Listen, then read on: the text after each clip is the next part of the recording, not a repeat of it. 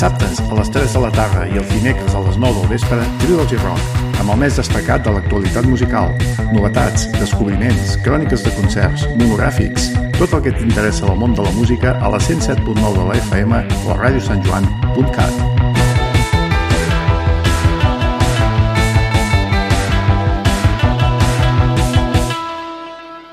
I bé, ja dono pas al David amb el que ens fa d'aquest especial Maglana, especial homenatge sí. a aquesta figura que dèiem que, que és interessant no, no, no perdre, no, no oblidar i la gent que no el conegui, doncs aviam si avui sí, algú fem. Avui com a mínim doncs, eh, serveix per, si algú no algú, coneix la seva obra, doncs que, que tingui interès per enganxar-s'hi. descobrir un gran músic. Eh, primer recordar doncs, que ja no pretenc fer un especial en posar tots els millors temes del Marlanagan o fer una, diguem-ne, eh, el, el seu seguiment diguem-ne a nivell compositiu amb els discos que ha arribat a teure, ja sigui amb ell o amb col·laboracions ja que això jo ho vaig fer ja fa anys, han, han passat anys amb tres parts, una part que vaig dedicar a Screaming Trees, una segona amb la seva carrera purament en solitari i després la de col·laboracions que també és un altre món en el que a Mark Lanagan li encantava poder col·laborar en diferents projectes de diferents gèneres. Això qui estigui interessat, ara ho comentàvem amb el Santi Fora d'Antena, doncs hi ha la possibilitat de recuperar-ho i de poder-ho facilitar per la gent que li pugui estar interessada. Eh? Això ho comuniqueu a través de, de mm. Facebook del Trilogy Rock o a través de la web o, sí, o us podem mitjans. passar l'enllaç i, i una còpia que els tenim tots tant aquest com tots els especials que s'han fet des del primer dia els tenim tots arxivats que vas ocupar tant, tant espai al núvol Exacte. doncs els hem d'anar traient però ho tenim tot arxivat vull dir que el que li interessi ho demani i sense cap problema li fem arribar doncs la, el que pretenc avui és aprofitant doncs, que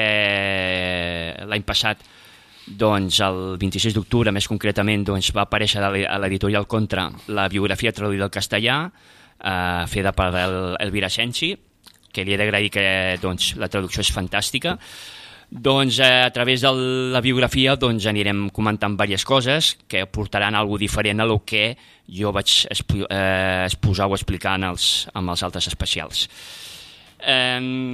una, un llibre que bàsicament, per començar, eh, sorprèn entre cometes perquè ell ho va plantejar com una biografia, però bàsicament es podria dir que el llibre comprèn, eh, es concentra en la dècada dels 80 i dels 90 i pràcticament de la dècada, o més, més que dècada d'aquest segle XXI, pràcticament no hi ha res. O sigui, no sé si la sensació del Marlanagan en aquell moment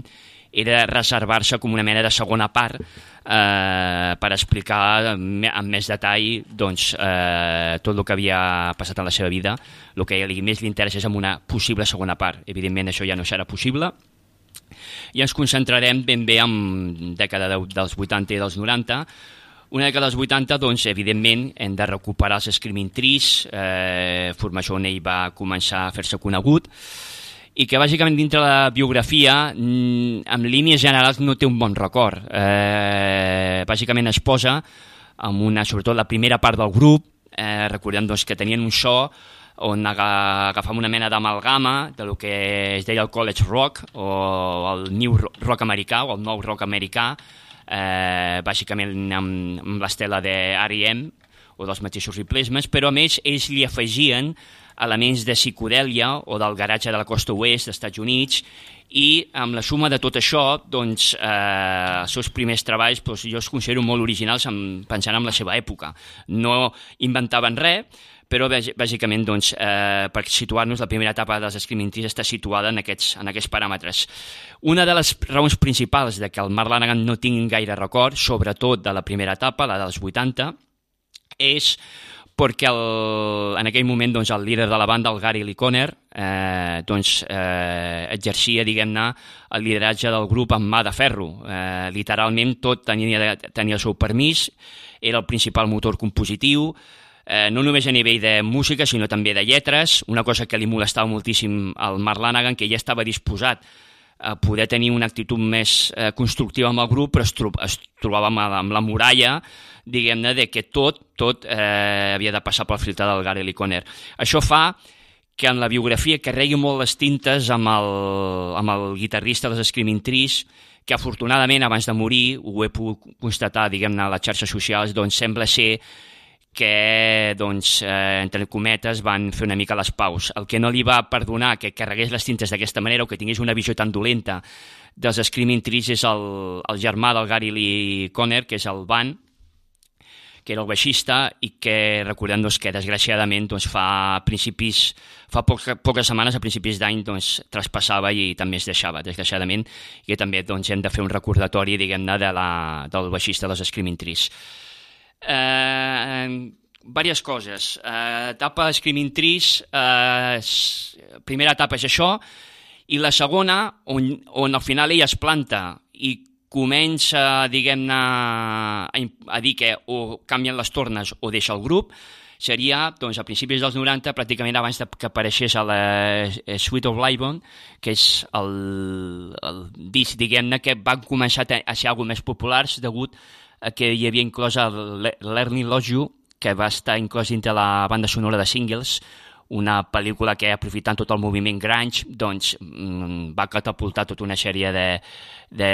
de grups. De fet, Nirvana ja, ja estaven al Candelero, per dir-ho d'alguna manera, hi havia, hi havia hagut l'explosió, diguem-ne, de Seattle, i que desgraciadament, ja anirem parlant més endavant, eh, van cedir aquesta cançó a la banda sonora eh, pensant que s'hi donaria molta promo, a canvi de...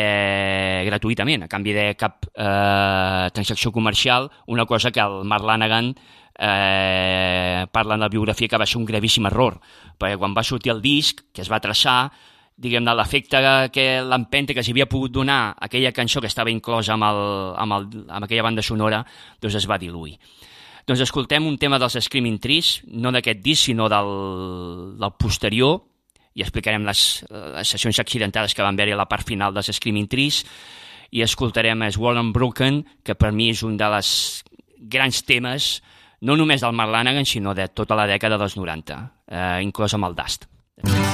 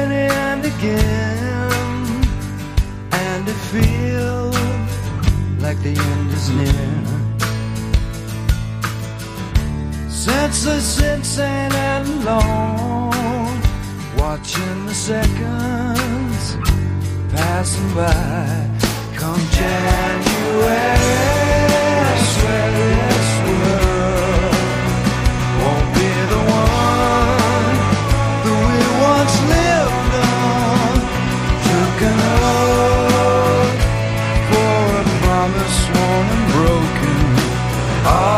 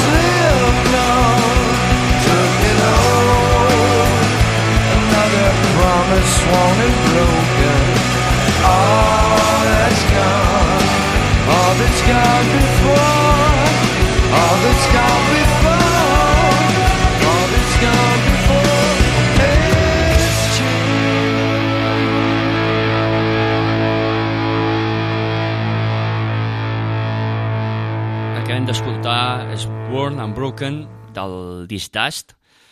i situats, diguem-ne, en, en, en, en l'espai temporal, doncs ens situem ja a etapa final de Screaming Trees, eh, que entre altres coses sí que aquesta part, eh, recordem doncs, que podien dir que, que amb l'anterior disc i aquest el Dust, eh, el Marc Larangan ja come, escriu temes, eh, ja té una actitud més activa a nivell compositiu i de fet eh, la música guanya més matisos, o sigui, es nota. És curiós que, desgraciadament, quan el Gary Lee Conner eh, s'obre i permet eh, doncs que el Mark Lanagan pugui tenir una actitud més activa a nivell compositiu, doncs resulta que, clar, el Mark Lanagan doncs, comença, es comencen a notar els primers, bueno, clars símptomes, perquè de fet ja arrossegava l'addicció des de feia temps i que l'arrossegaria durant molts anys amb l'heroïna, i que de fet la biografia eh, pràcticament es menja, si hi ha una cosa, un aspecte que vol remarcar que l'ha influït diguem-ne des d'un punt de vista negatiu però que forma part de la seva vida és la seva addicció, addicció a l'heroïna que en molts fragments de la biografia doncs, en fa esment en moments sòrdids eh, i, i evidentment doncs l'etapa final, que ell estava molt tocat, eh, de fet ja parla de que amb la biografia parla de la gira, sobretot l'europea, hi ha moments sòrdids com en un moment en una ciutat d'Holanda que havien de tocar doncs amb, en ple mono doncs, eh, passa una nit boja eh, on l'atraquen, on després ell fa una agressió amb una altra persona, o sigui, és, eh, realment eh, hi ha moments que amb la necessitat aquesta de, de poder continuar consumint, eh, hi ha moments de, de, de la biografia realment durs i, i primitius, eh? o sigui, surt la, part, la seva part més primitiva i que curiosament contrasta amb la seva part de sensibilitat musical. El, de fet, desgraciadament, doncs, els Screaming eh, s'acabarien dissolent. Eh, de fet, la gravació de Das va ser caòtica, eh, va haver-hi un moment... De fet, ja abans del Das s'havia gravat un disc que va quedar al calaix perquè no van considerar que no estava a l'alçada del, del grup, que seria interessant que es pogués estar en format bootleg, però seria interessant que es pogués, mm, es pogués diguem-ne, editar oficialment amb un so bo i veure ben bé el que hi ha entre el disc del principis dels 90 i el Dust, eh? per veure la seva evolució. De fet, mm, només com a anècdota, el George Dracolias, diguem-ne mític productor,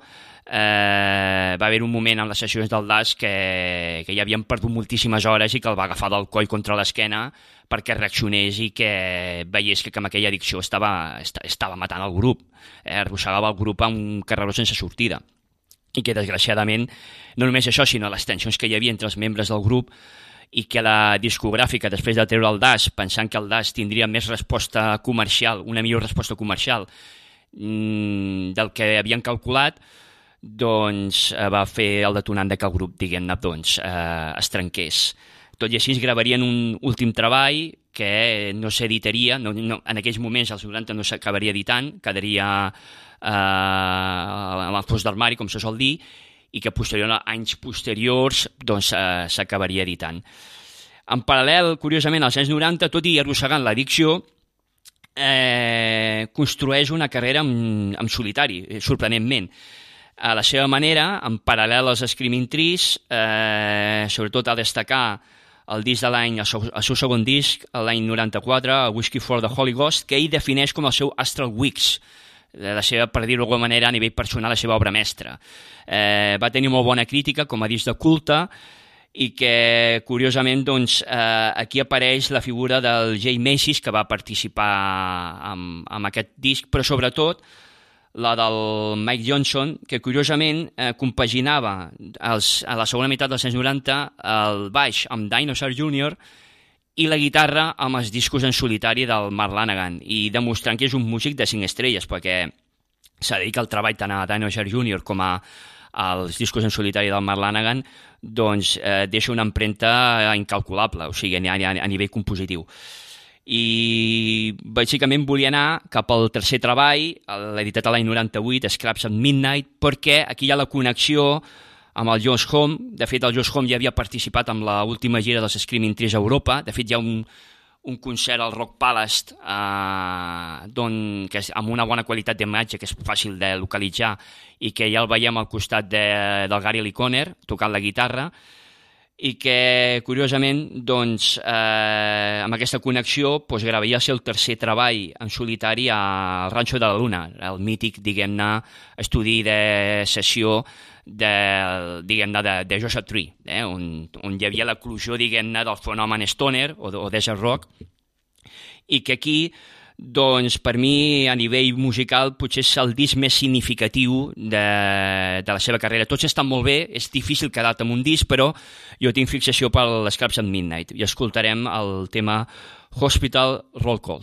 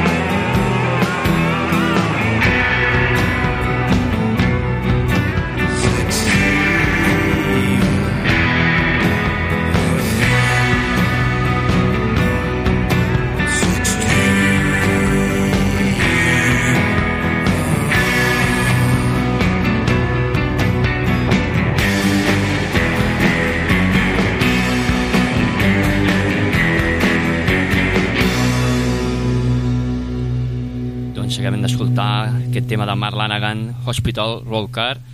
eh, Roll Call, perdó, eh, dintre del disc Scraps at Midnight. En diverses coses teniu, ja he dit, comentat doncs, que la biografia, eh, el tema de la heroïna apareix eh, molts cops, el que jo no sabia, perquè jo havia, aquest problema era conegut per tothom, ja als anys, a la dècada dels 90, fins i tot hi ha rumors de que en ple segle XXI doncs, encara arrossegava aquesta addicció, tot i havent estat en, en centres de rehabilitació, doncs el, el tema de, de l'orina amb, una, amb, amb un gest de sinceritat amb, el, amb la biografia eh, comenta doncs, que desgraciadament a nivell d'ingressos eh, ens hem de situar a segona meitat de la dècada dels 90 eh, els Screaming Trees per raó que encara no acabo d'entendre de, perquè no ho acaba d'explicar bé jo entenc que alguna cosa no es va fer bé a nivell de royalties amb, amb tot el que va vendre Screaming Trees però que bàsicament els seus ingressos a nivell musical, eh, que eren minxos, bàsicament venien de la seva col·laboració amb Mad Season, recordem que era un grup paral·lel eh, format eh, per membres de Pearl Jam i d'Alice in Chains, eh, amb Lane Stanley, que ja comentarem que hi havia una grandíssima amistat amb el cantant d'Alice in Chains el Mark Lanagan. Doncs amb aquest projecte paral·lel resulta que ell col·labora en dos temes i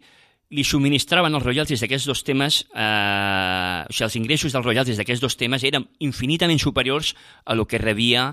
amb Screaming Trees o amb, fins i tot amb el, algun disc que hi havia tret en solitari, que és una cosa sorprenent, però que ho, ho reafirma i ho es posa amb la, amb la biografia, que és realment eh, curiós i que això demostra que a vegades els músics algunes coses en, en de representants discogràfics, etc., que no és la primera vegada, que alguna cosa no es va fer bé en el seu moment a nivell de, de, de que els músics puguin eh, nutrir-se també d'alguns ingressos de la seva obra, diguem-ne, artística. I, curiosament, de, fut, de fet, entre això, entre l'addicció a l'heroïna, eh, o sigui, estar dintre l'entorn de les drogues, doncs mm, va fer que curiosament eh, doncs es comencés a, a cuinar crack al seu apartament, que és la part que, que explica la biografia i que moltíssima, bueno, jo menys eh, ho desconeixia i que utilitzava això per mm, tenir una font d'ingressos, que és una cosa realment sorprenent i que sorprèn amb tot el que explica, explica que no acabés a la presó en algun moment, perquè és que sembla quasi un, quasi un miracle. I que, curiosament, el seu company de vivències amb tot aquest tema era el Dylan Carson, que recordem que és el líder de Earth, una altra de les bandes de Seattle, i que curiosament estava fora de tot aquell, de tot aquell moviment perquè la seva música era una cosa completament diferent el que s'entén per Grange, eh? recordem que és, devia ser un dels grups pioners del dron, i que curiosament eh, és, el, amb la biografia s'ha de tenir en compte que el veia com un germà, de fet pràcticament vivia a l'apartament en, en etapes de, de la dècada dels 90 amb el, amb el Mark Lanagan.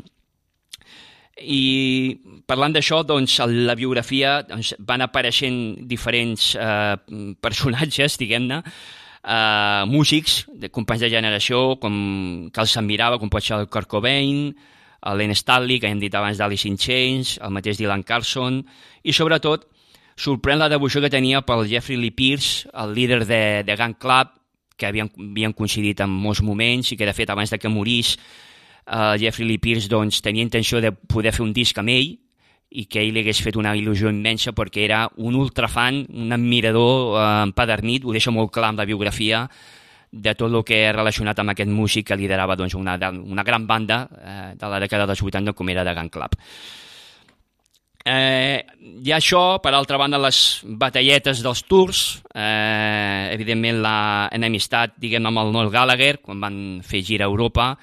eh, que ja se'ls va travessar amb el primer contacte i que va arrossegar, bueno, de fet, els, els últims anys encara eh, per internet se les anaven deixant, eh, i que ja havíem comentat aquí al Trilogy moltes vegades, que era curiós, no?, els, el, les, pica, les baralletes aquestes d'entre el, el, el Noel Gallagher i el, i el Mark Lanagan, però també havia tingut doncs, eh, moments de tensió amb el, el Jorgensen, el líder de Ministri, també en el seu moment, eh, evidentment. Sobretot comento això perquè eh, eh és molt curiós que eh, la persona d'ell que combina, diguem-ne, aquesta sensibilitat musical, perquè és un gran malòmen de la música, un gran col·leccionista que li agrada diferents gèneres, ja, per una banda això, i per l'altra, eh, quan, veig, quan llegeix la seva biografia escrita per ell, eh, de puño i letra, com se sol dir en castellà, doncs veus mm, en el fons un, un, un, un regne de, de l'Amèrica profunda, amb aquest, amb aquest diguem aquest caràcter primitiu en alguns moments, eh, de que la, les bones o les dolentes, quan s'emprenyava, doncs, si s'havia d'arreglar les coses a cops de puny, doncs s'arreglaven les coses a cops de puny. I sorprenia, diguem-ne, a, a, a aquesta actitud. Escoltarem ara un tema que jo considero de, inclòs en un disc molt interessant, que per moltíssima gent va quedar desapercebut, Eh, és un disc que es va editar el 2015 i que, en fons, eh, el títol pot donar engany. Es diu Houston Publishing Demos eh, 2002 i com tal com diu, doncs, a principis del segle XXI mm, va gravar tota una sèrie de temes a l'estudi. Eh, dic la paraula demos perquè eh, la paraula demos, eh, encara que estigui en el títol del disc, eh, pot semblar prest engany, en el sentit, o pot causar confusió. Els temes sonen molt bé, estan ben gravats, No, la gent quan sent la paraula demos es pensa que és tot un... és un com assajos dintre, com si estiguessin en un local. I no, no, el disc tot sencer s'aguanta perfectament. Hi ha temes inclosos que després, posteriorment, amb anys posteriors els repescaria i els acabarien, eh, i acabarien en, en altres discos i, i he de dir que aquest disc en qüestió doncs, el recomano moltíssim perquè va passar, ha passat mm, completament desapercebut i que pels els que no són fans acèrrims segurament no el tenen controlat i per mi és un grandíssim disc. Eh, I escoltarem un d'aquests temes, concretament una versió primigènita del Methamphetamine Blues, que posteriorment sortiria editat i amb aquest, amb aquest disc es titulava When It's in You.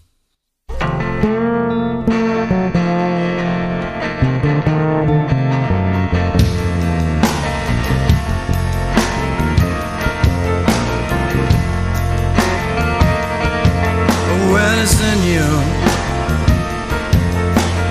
Ah, you won't leave living so soon when it's in you.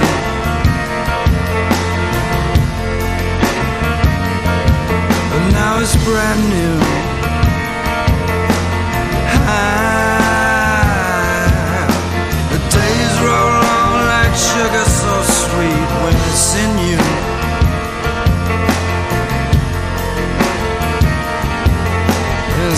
Scarecrow stands at the top of the stairs and a shoe.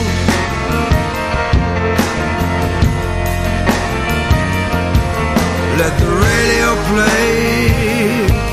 methamphetamine blues until I lose. Now that it's in you.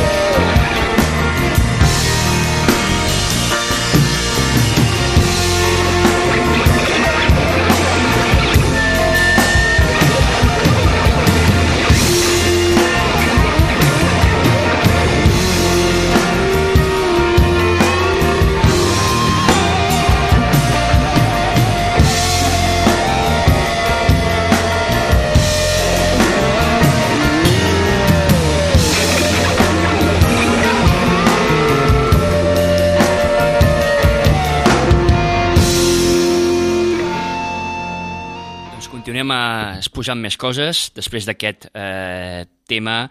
recordem eh, que estava inclòs en aquest disc que jo recomano moltíssim per la gent que no el tingui gaire controlat, doncs Houston, eh, Publishing Demos eh, 2002. Eh, més detalls, eh, a nivell d'anècdotes, eh, n'hi ha un parell que vull, que vull remarcar perquè durant tota la biografia apareix, diguem-ne, eh, es va trobant amb diferents eh, músics, diguem-ne, diguem,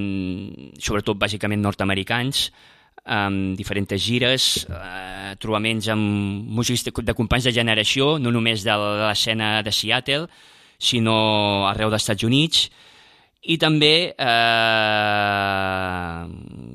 i també europeus o australians. De fet, volia remarcar el, les anècdotes que explica tant del Nick Cave com del Ness, perquè són dos músics que a mi m'han marcat moltíssim també. En el cas del Ness, doncs amb les gires, eh, sobretot els situa a finals dels anys 80, doncs eh, se'l trobat en alguns concerts,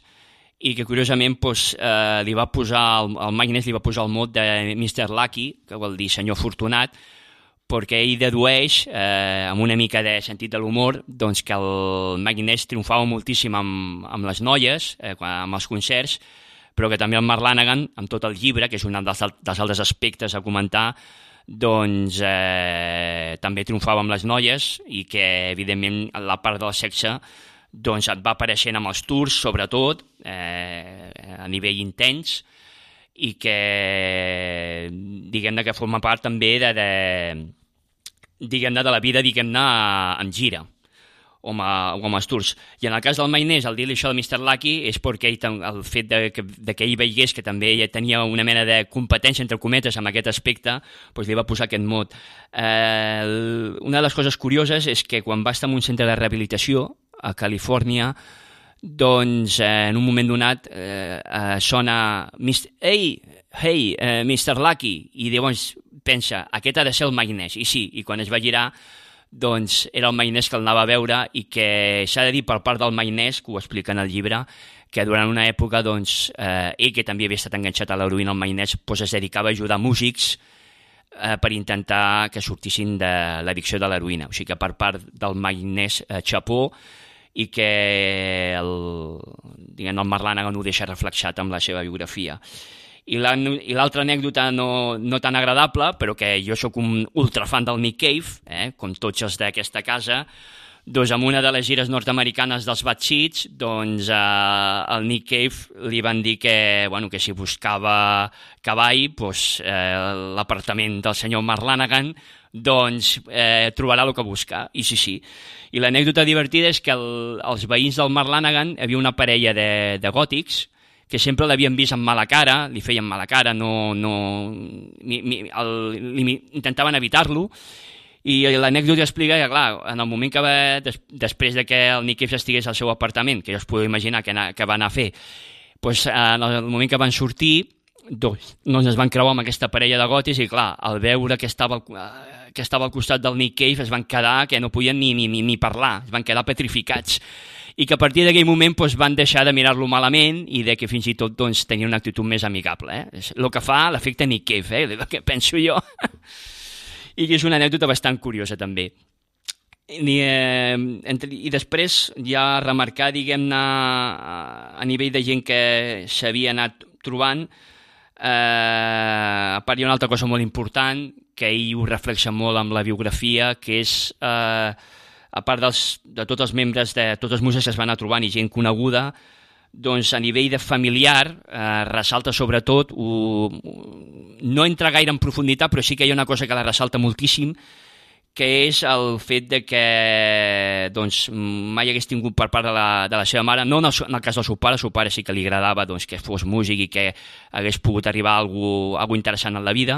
però sí que l'efecte matern ho va portar arrossegant durant molt de temps, reconeixent ell que havia estat molt, moltes vegades molt egoista i que, no, i que evidentment no portava una vida de sant,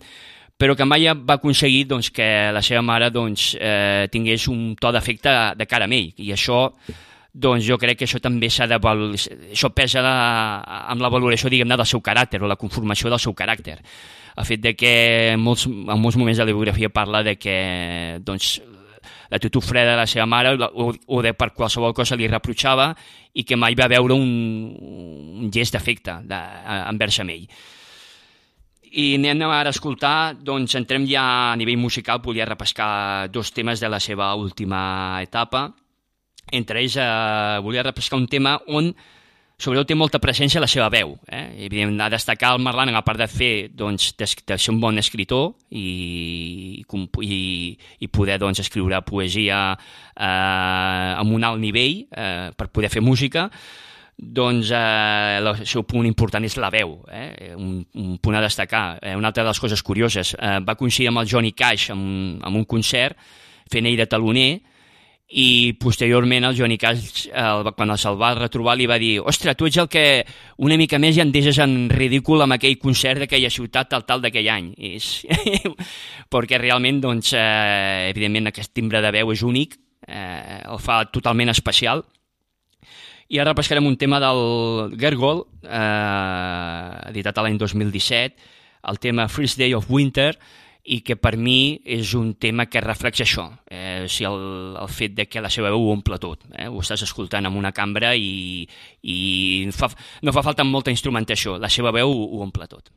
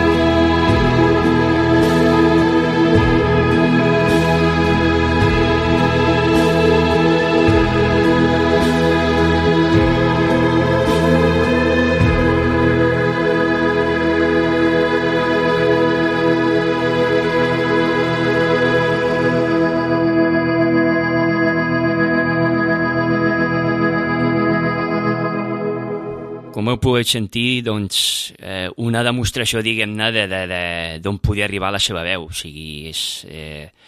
és impre eh, impressionant, diguem-ne, quan, quan entres ben bé, quan no escoltes amb els casos, per exemple, a la foscor i sentir on aquest timbre de veu és, eh, on pot arribar és, és d'un nivell incomparable. Eh, estem ja a la recta final. Eh, bàsicament volia repescar un parell de coses, sobretot, eh, que aquesta és la part més positiva, que és la part de Malòman que tenia el Mark Lanagan. De fet, amb tot el llibre eh, va, doncs, va donant pinzellades eh, de lo que en, en, en moments determinats escoltava. I podem anar des de la seva admiració profunda de, de Gun Club, com dit abans, però també, sobretot, sorprèn del, del món britànic. De fet, ell era un fan seguidor de Joy Division i New Order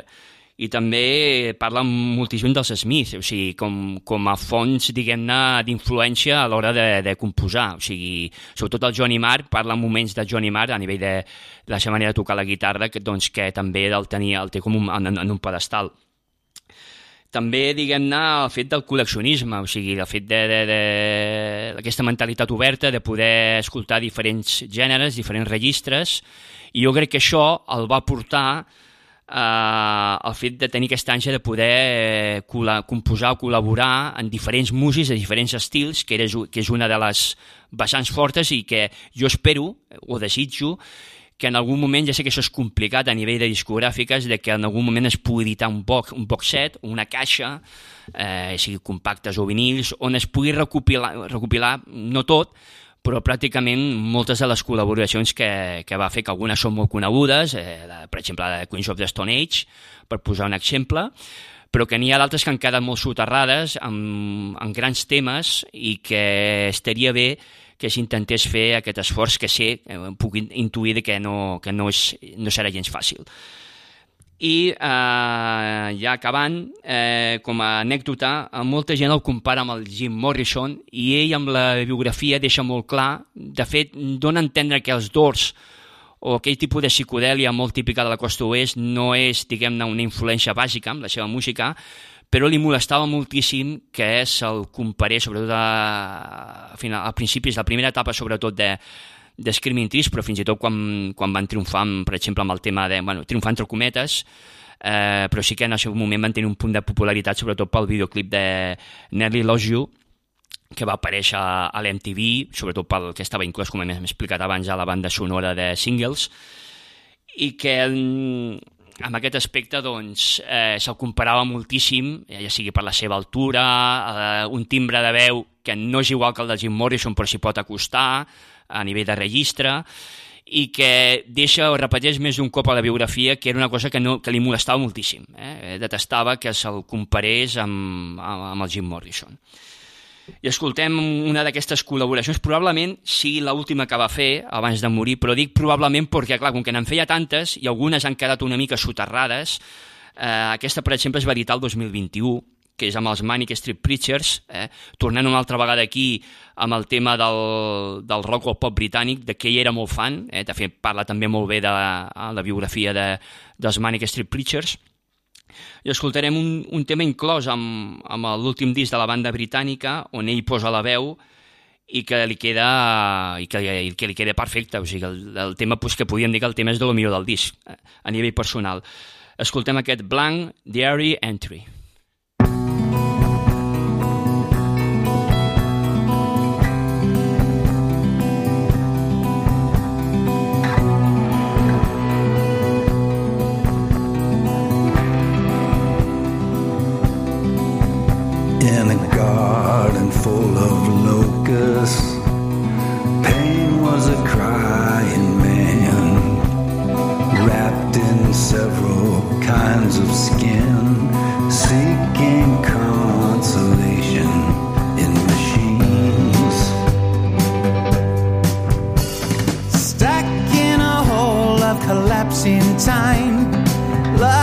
the solitude by body state of mind. A silent tension drags and weakens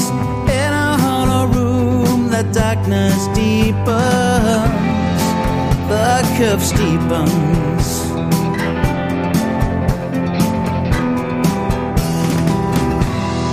Just another bad diary.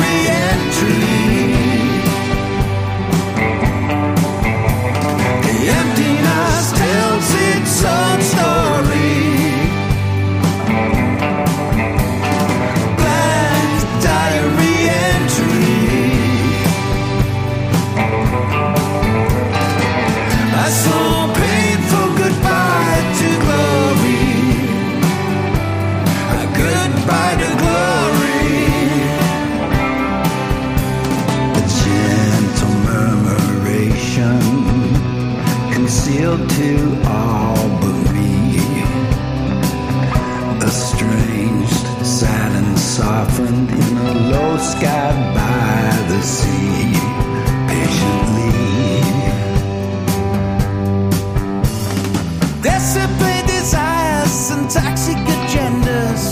polished by light, yet still have remembered.